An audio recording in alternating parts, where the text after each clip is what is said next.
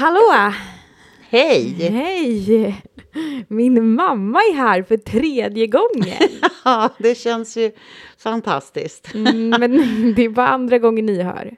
Ja, För vi har ju haft lite strul kan man säga med tekniken. andra gången vi hör. Nej, första gången ni hör menar jag. Det är tredje gången vi spelar in. Ja, det är det. Nu får vi hoppas att det funkar ordentligt den här gången. Mm, Men du är ju van nu. Jag är väldigt van. Mm. Van poddare. Så det är ju faktiskt en fördel. Ja, så kan man ju se det. 1-0 till oss och mot Isa och hennes mamma.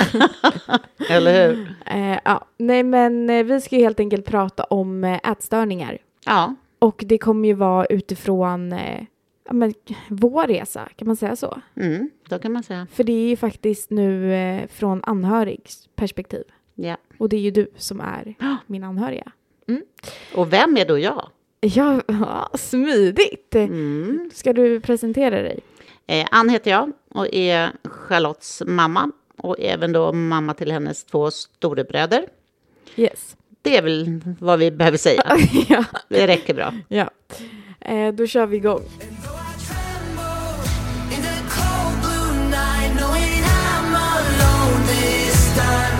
In the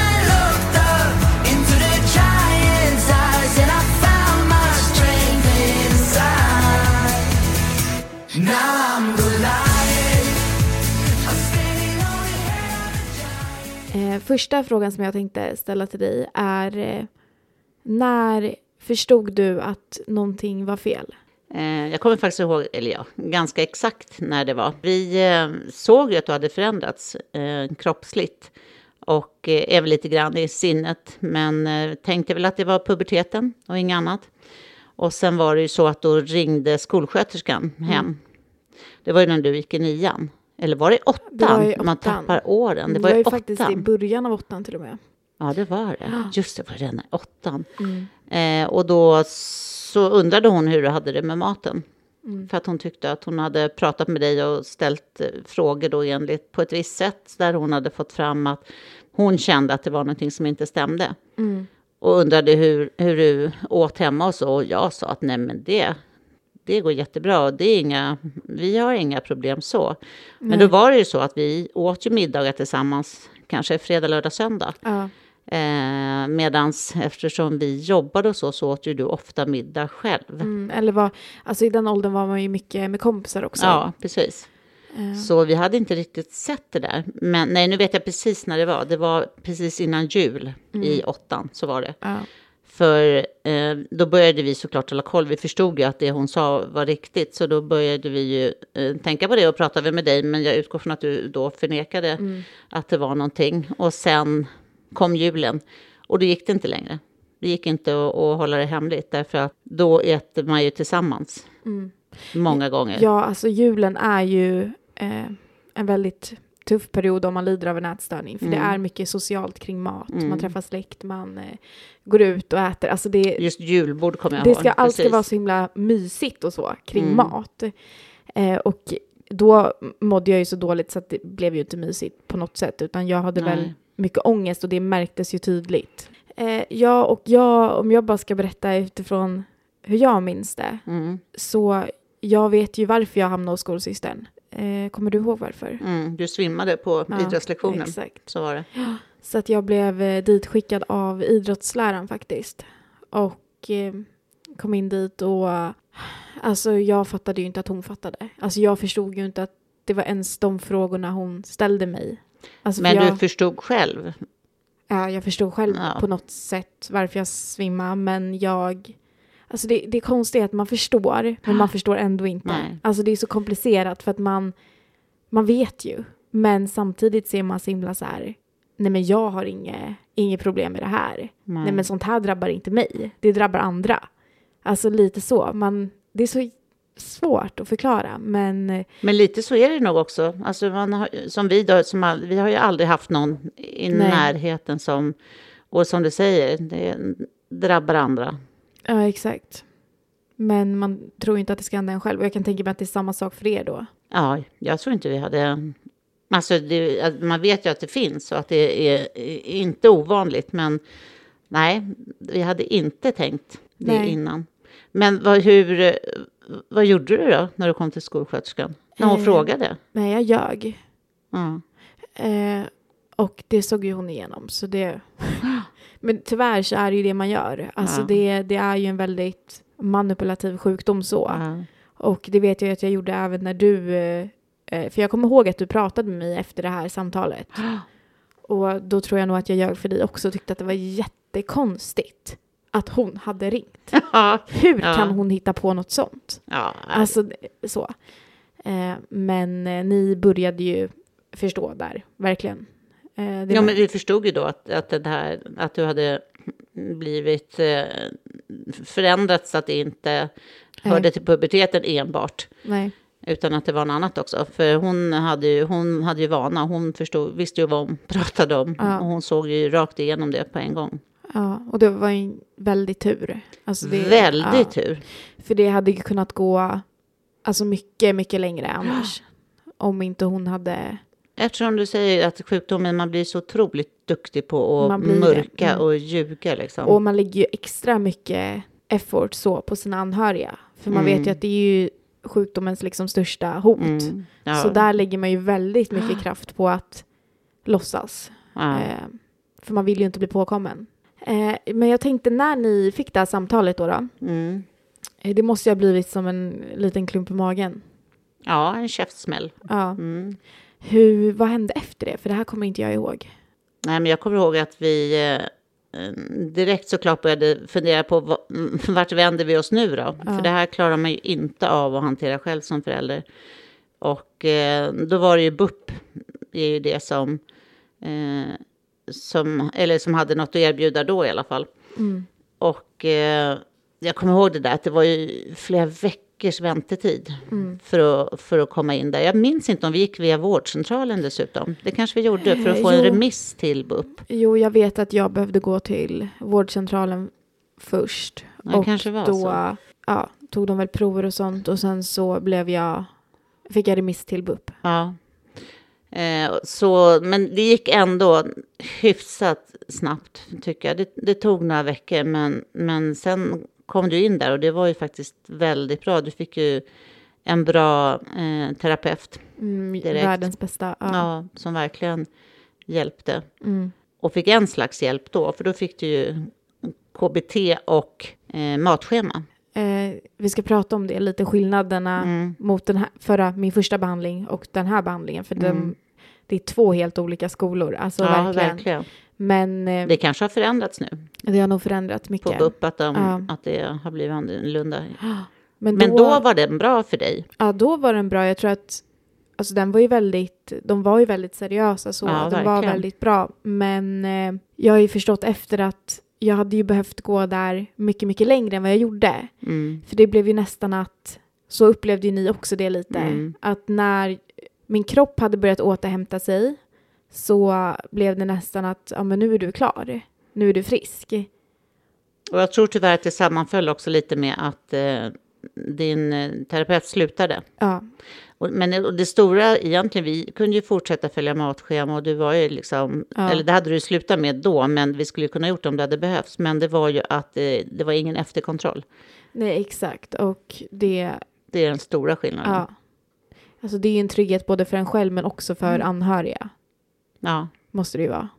Och veta att man har några år efter som man går och kollar sig regelbundet. precis. Men nu var det, vi vet ju inte hur det är idag. Nej, det här var ju några år sedan och jag kan säga att det har hänt mycket. Man pratade Ja. inte lika mycket om ätstörningar då jag blev eh, sjuk första gången Nej. som andra gången. Det fanns inte alls samma kunskap. Nej, Nej det har blivit eh, annorlunda. Men får jag fråga, kände du att du blev bemött alltså bra som anhörig när du ringde runt och sådär? Alltså, det var ju inte så mycket att ringa Eller jag, jag försökte ringa runt, men det fanns Mm. ju faktiskt inte så många alternativ. Eh, eftersom du var i den åldern också, som är BUP-ålder så att säga. Men när du pratade med... Nej, jag tycker att de var jättebra. Ja, Jag tycker hela tiden där att det var lätt att, att komma i kontakt. Och, nej, jag tycker att det funkade alldeles utmärkt. Och vi fick en bra Ja. läkare och, och vi, ja, du fick en bra läkare och terapeut. Så, jag hade nog väldigt tur där också med vilka jag eh, fick som läkare och KBT-behandlare. Så. And I bleed when I fall down. I'm only human. And I crash and I break down. Your words in my hand, knives in my heart. You build me up and then I fall apart. Cause I'm only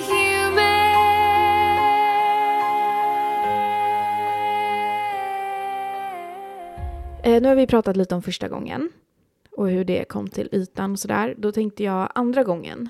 För att eh, jag var ju faktiskt eh, myndig den här gången. Vilket många kanske inte vet men eh, det gör... Alltså det är en stor skillnad Mm. i vägen till behandling och till hjälp. Ja, så är det. Nej, men ja, precis, därför att eh, hur många år, det gick ju några år emellan. Mm. Och eh, Där jag var frisk inom situationstecken. Precis. Mm.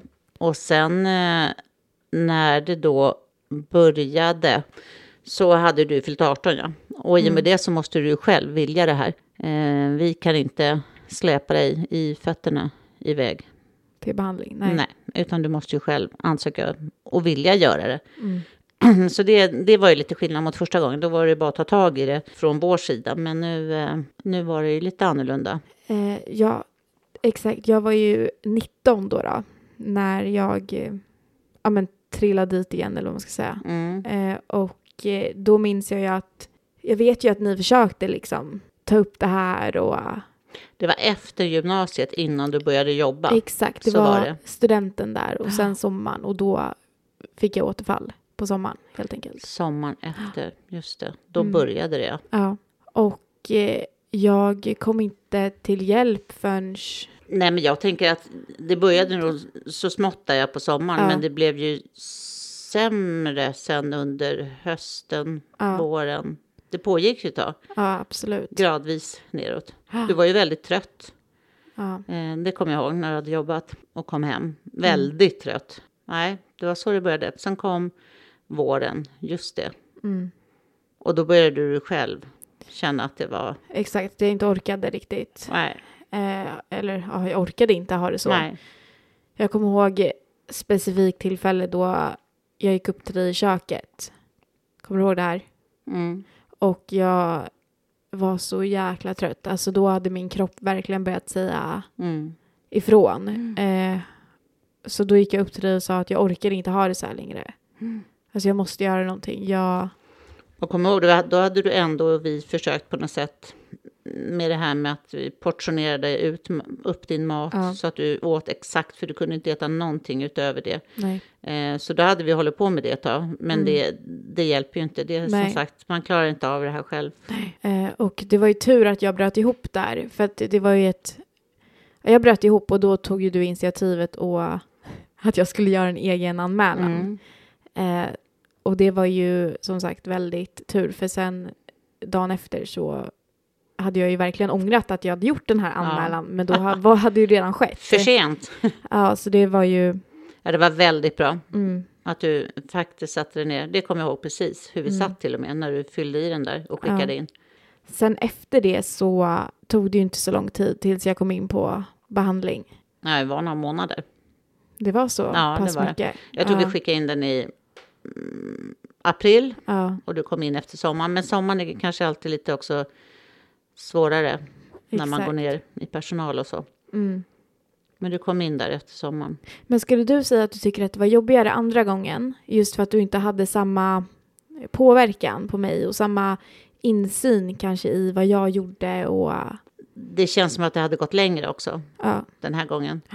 Det hade varit mycket mer uppslitande ja, eh, än första gången. Mm. Det var mycket berg och dalbana och mycket tjafs och kommer du ihåg det? ja, mycket ångest. Mycket ångest som Ja. ledde till allt möjligt. Så, så um, nej, den var nog faktiskt värre. Och första gången som sagt var så var, då, då hade vi det mer i, under kontroll i och med att du var både hemma och var omyndig.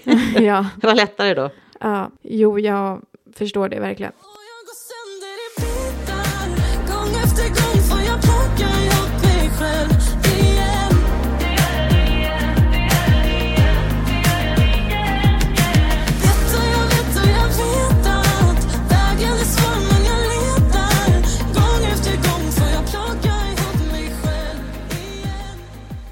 Då har vi gått igenom lite hur det kom till ytan och hur det gick till när jag kom till behandling. Och då tänkte jag, om du bara ska, alltså det här är väldigt svårt, men försöka sammanfatta hur det är som anhörig till någon som lider av, i mitt fall, anorexia.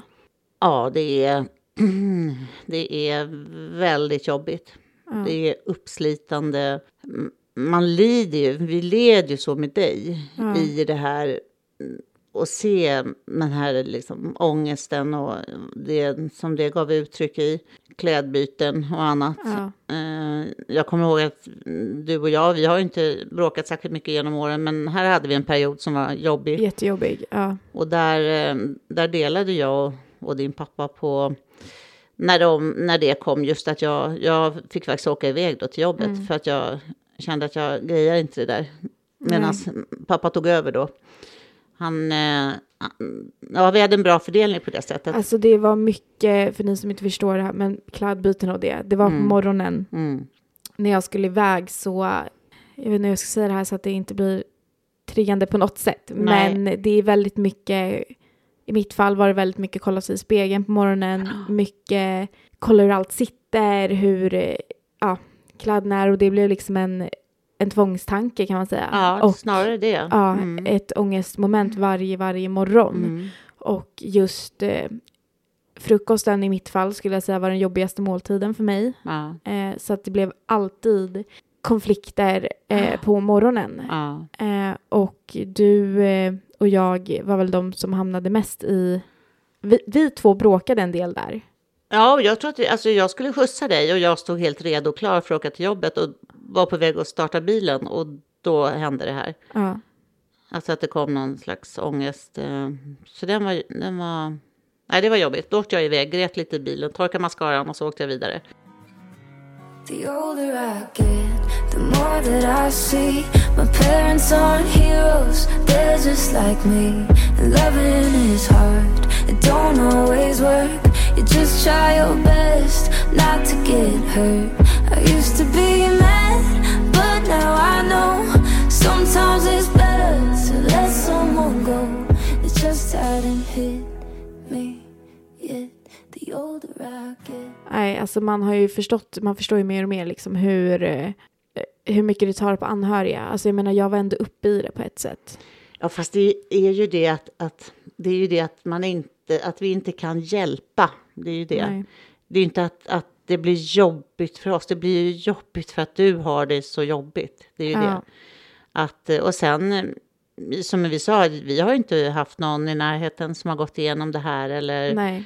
Eh, och man, man kan ju inte vara förberedd heller, sånt här när det händer. Det är Nej. ingenting man går och, och väntar på att det ska komma något. Men, men eh, så det tog ju ett tag och just, vi försökte ju, vi ändå hållit det lite, vi har ju låtit dig avgöra hur du vill att man ska känna till det här eller inte. Mm.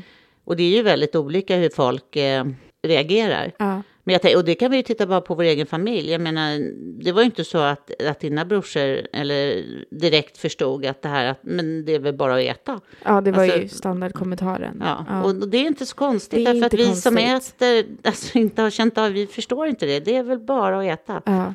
Och det är precis det det inte är. Nej, det är ju inte det. Det är ju så pass mycket mer. Liksom. Men jag förstår att man inte förstår det. Alltså när man inte har upplevt det själv. Nej. För att det är ju den mest naturliga saken. Vi andas, vi sover, vi äter. Mm, Alltså det. det... Och så ska inte den naturliga saken helt plötsligt funka. Alltså det är ju det som är... Och sen är det det också att, att man som förälder då i det här fallet eh, måste liksom visa sig stark, alltså normal, inte sådär att det är, fastän det såklart är jättejobbigt inombords. Men vi hade ju varandra att prata med och vi delade ju upp saker. Pappa satt bredvid dig till sista tuggan för att du skulle äta upp och så Ja. vi hade olika roller i det hela. Ja, du var väl med den som jag eh, kom till när jag hade ångest eller var ledsen. Och Ja, så medan pappa var ju med den som fick vara polisen. Ja. Så. Ja, precis. Eh, Pappa jag, polis. ja, vilket jag avskydde där och då. Men Ja. som jag har sagt i efterhand att jag är jättetacksam för. För att det behövdes. Ja, det var en av de saker du sa som vände det hela. Ja. Och det tar emot så mycket att säga. Men, men för att jag vet ju alla våra bråk jag och han även hade. Ja, ja, för visst. att han var på mig hela tiden. Men, men jag ju. förstår ju i efterhand, nu när jag är frisk, att det, jag behövde ju den. Eh, Jag, jag kunde inte få liksom valalternativ när det gällde mat, utan jag behövde Nej. någon som verkligen sa att du måste äta upp det här. Ja. Jo. Jag tror att det är också en viktig grej att inte... Det är klart man ska vara förstående, men man får inte bli så förstående så att man går med ätstörningen. Nej, precis. För Eh. då blir man ju en del av den. Exakt.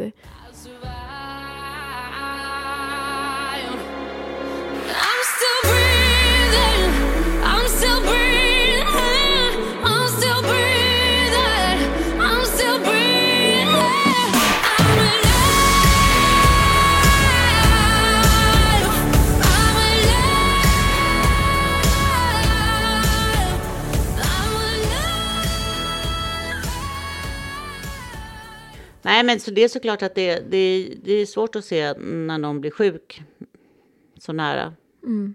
som du. Men jag tänkte på det här du sa med kompisar, för jag vet att det är en sak som du vill ta upp i podden.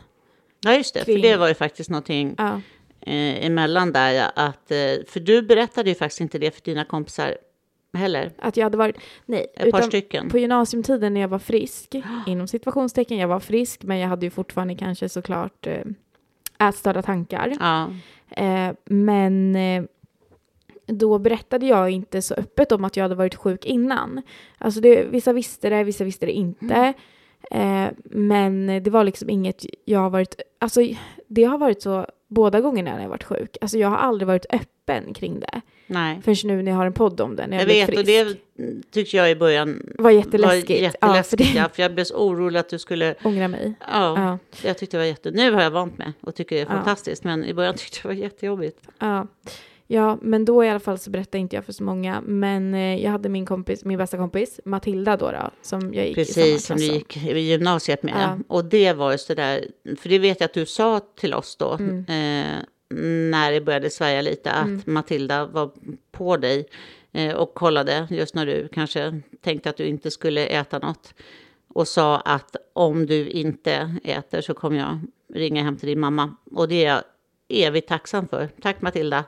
Mm. För det, det gjorde att ja, den delen kändes lugn i alla fall. Så det är verkligen, det var Ja, och till sen- hjälp.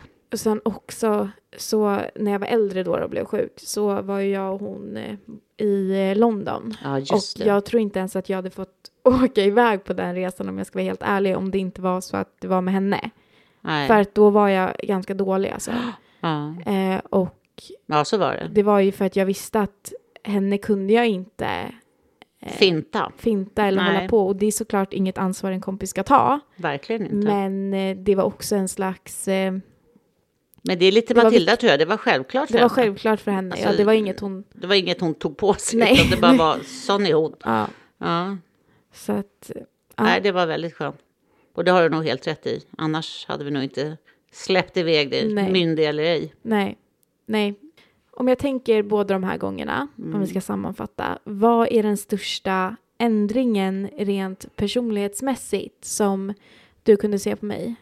Jag försöker tänka tillbaks nu, men jag tänker eh, högstadiet där så förändrades ju, det gör man ju de åren när man eh, går i högstadiet. Det är ju puberteten och man förändras. Så, så där kan jag inte riktigt skilja på vad som var du och vad som kom med puberteten och de bråk vi hade och sådär. Alltså det hör väl till. Men däremot så vet jag att den här gången så kan jag känna att du har kommit tillbaka helt och hållet till den du faktiskt är. Att du, och det vet jag så tydligt att jag började känna för kanske, ja, kan det vara drygt ett halvår sedan? Eh, ja, det är mer än så nu, det var förra våren tror jag till och med. Ja, det var eh, ganska många månader sedan, men att jag kände det där att du fick tillbaka den där lilla extra liksom. Det här eh, roliga, liksom kommentarerna, lite det här ironiska, din slagfärdighet. Som faktiskt hade varit borta. Och det, lite är det så att när man lever med någon så ser man ju inte förändringen över tid. Nej, Men nu när du kom ur det, då, märkte du att min personlighet Ja. började komma tillbaks? då kom, hade den kommit. Och nu skulle jag vilja säga att den är tillbaka helt och hållet. Ja, För att Med alla delar. alla delar, tyvärr, så allt tillbaka. Precis likadant. Men jag tror inte att det var lika stor skillnad när du var yngre faktiskt. Nej, alltså det vet jag ju att eh, andra gången så tappade jag väldigt mycket av mig själv Mm. eh, som person och det låter jättetragiskt men alltså det var verkligen så. Och jag tror att många glömmer det, att Mm. det är ju en så pass psykisk sjukdom och inte bara att den är psykisk så kroppen går ju, alltså den har ingen energi så man Nej. orkar ju inte vara den här personen sociala som jag är. Alltså jag Nej. orkade inte vara den personen längre utan jag, jag blev liksom grå helt plötsligt. Alltså lite så. Ja, Och det, inte lika nära till skratt och liksom Nej. inte riktigt deltog i samtal. Och, nej, det är ganska tydligt att det var så. Och det kom nog tillbaka för drygt ett halvår sedan. ja. Eh, och jag vill faktiskt ta upp en sak kring det.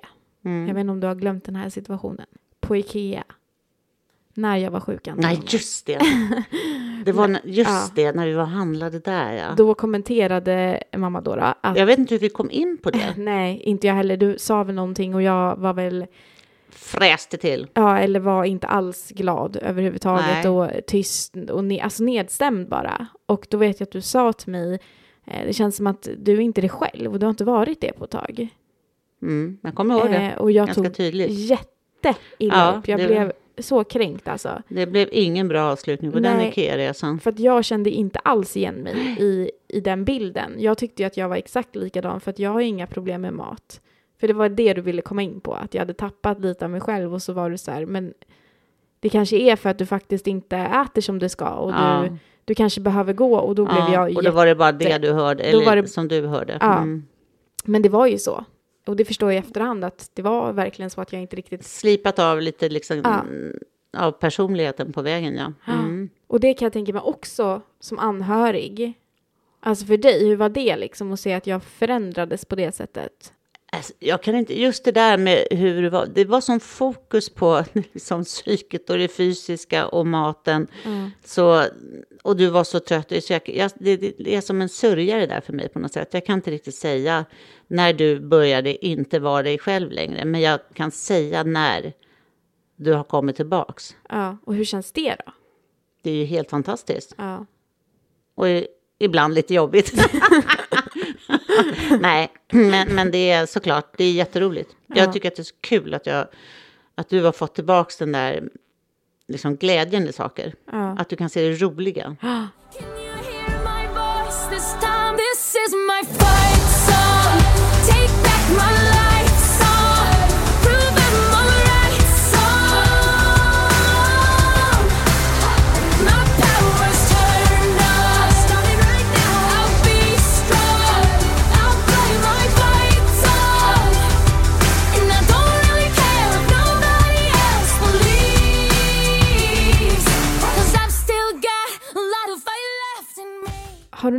gång känt, för det vet jag att många anhöriga gör, skuld att det på något sätt skulle vara ditt fel eller ert fel?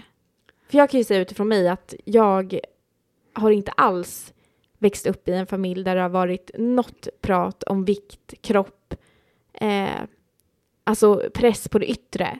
Jag upplever inte det någonstans. Men jag kan tänka mig att man ändå, trots det, börjar tänka så här, men gud, har jag gjort det här fel och kunde jag gjort det här bättre så att det inte hade hänt och så. Alltså hur har du ställt dig till det liksom? Alltså det är ju där man kan alltid göra saker bättre. Men, men det är så svårt att fånga något som man faktiskt inte vet ska komma. Eh, att det, nej, det kan vara att vi inte såg tecknen själva då. Att vi inte förstod vad som var på gång. Men eh, samtidigt så kan jag... Jag vet inte riktigt hur vi skulle ha sett det faktiskt. Nej, nej inte jag heller. Din pappa hade svarat mycket mer att det fanns saker vi skulle ha kunnat. Men han är ju mycket mer martyr så. det var kanske inte martyr jag tänkte Nej, men på direkt. han hade ju dragit en hel 20 minuter om att ja, men det där ska man kunna upptäcka och det här kan Ja, man men göra han bättre. kanske och... hade kunnat om han hade vetat. Jag vet i 17, kanske ändå inte hade. Nej. Det är lite olika, men jag, jag känner också att det är...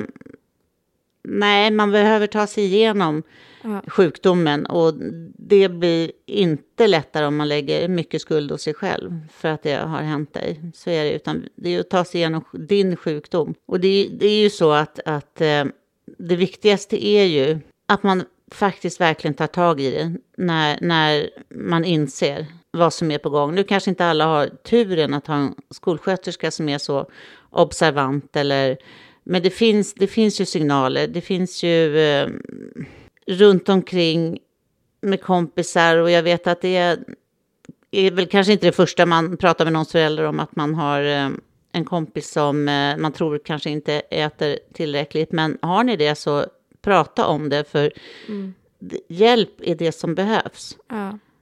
Man måste få hjälp. Det här är ingenting man klarar av det själv som ätstörd eller i omgivningen, utan man måste få professionell hjälp.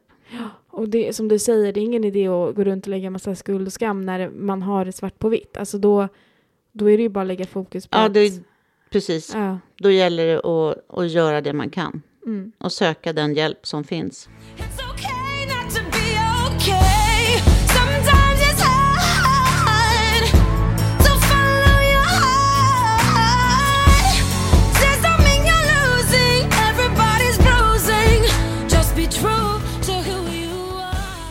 Vad skulle du säga att du har lärt dig av det här? Nej, men vad jag har lärt mig, jag tänker mer på att, att man nu är betydligt mer observant och tänker ännu mer på just det här med reklam och alla de här sociala flödena och hur saker framställs och dieter och jag tror att det har blivit eh, det blir bara mer och mer. När jag var ung så jag kan inte riktigt minnas att, att det var på det här sättet. Att vi hade något sånt i närheten eller men vi hade ju inte, eller det fanns ju inte det här enorma flödet som man Nej. nu kan ta del av för att hitta hur man ska.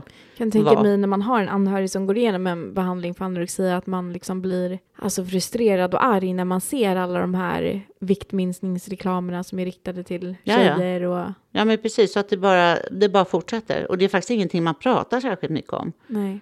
jag, tycker jag inte. Så det, nej, och sen tycker jag att det man kan ta med sig är att man är öppen och pratar om ätstörningar.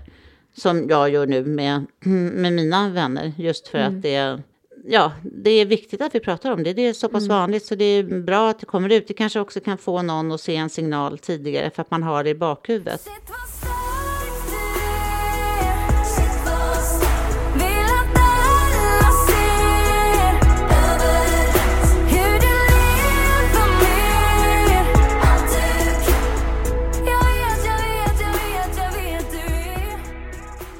Om du skulle säga någonting till en anhörig just nu, kanske en förälder som vars barn går igenom en ätstörning, vad, vad skulle du vilja liksom säga? Jag, men jag tänker på, om man ser utifrån förälderns då, så är det ju jätteviktigt att man själv har någon att prata med. Mm. Att man har antingen varandra då om man lever tillsammans eller eh, att man har någon kompis eller det är viktigt att man har någon att få lätta sitt hjärta för. Mm. Så att man inte bär det omkring på det själv. För du kan inte prata, jag har inte kunnat prata med dig Nej, under tiden på det sättet nej. eh, om vad som är jobbigt eller inte, utan där gällde det ju att få dig eh, frisk var ju enda målet. Och det gick ju alldeles utmärkt till slut. Hur många gånger ska du rädda mig? Minns varje gång som du var där för mig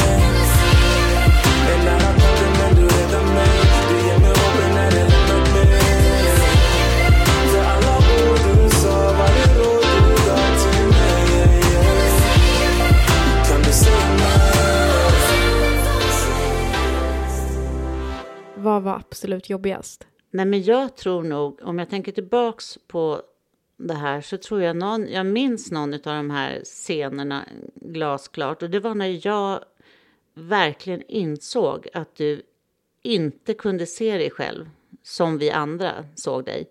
Ja, för det var ju så. Jag Ja. såg ju inte mig själv så som jag såg ut. Och eh, den frustrationen från ditt håll då, då, att jag verkligen inte gjorde det. Och Mm. så kritisk jag var mot mig själv hela tiden. Mm. Du vet ju också att du blev Ja, jättefrustrerad var svår. över Ja, att jag var så hård mot mig själv. Liksom. och det är väl en del av sjukdomen. Ja. Eller det är ju det. Nej, det var jättejobbigt.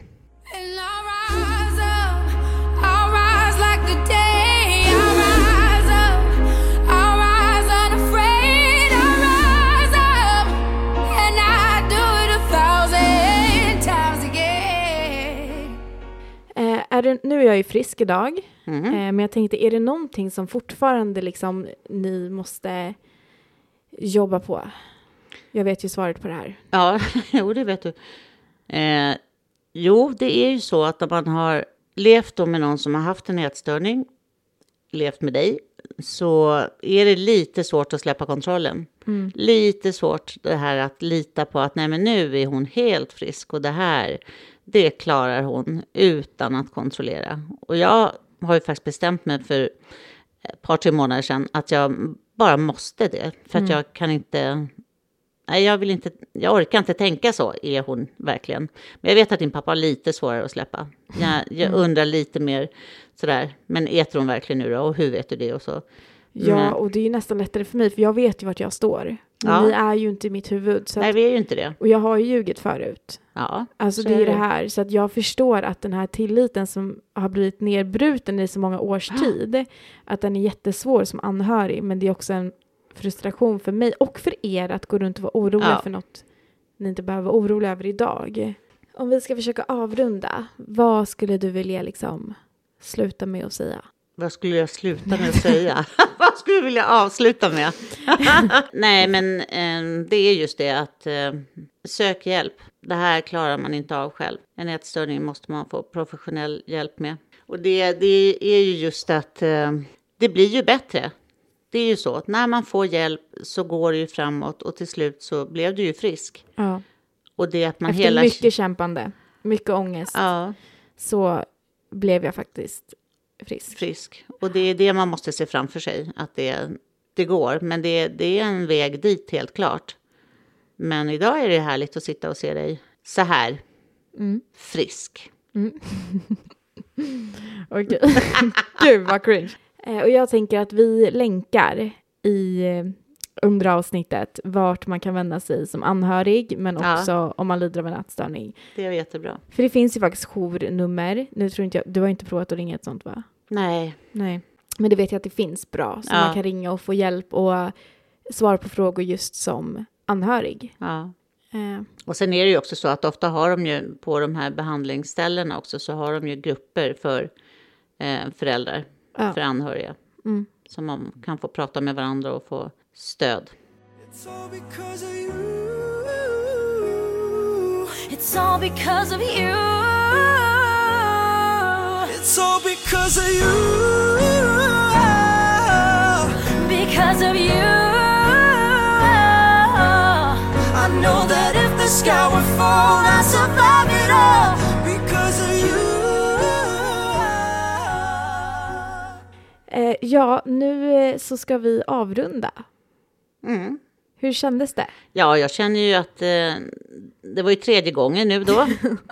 Men att jag hoppas att tekniken har fungerat. Men annars så, ja, lite läskigt. Det är ju min första podd som förhoppningsvis kommer sändas då. Mm. Spännande. Mm. Hoppas det kan hjälpa någon Ja, att få höra hur det kan vara. som anhörig. Få höra vår resa. Exakt. Tack så mycket. Tack. Älskar er. Puss puss. Drop the mic. Säg det. Drop the... Drop the mic. kan du inte göra så? Drop the mic.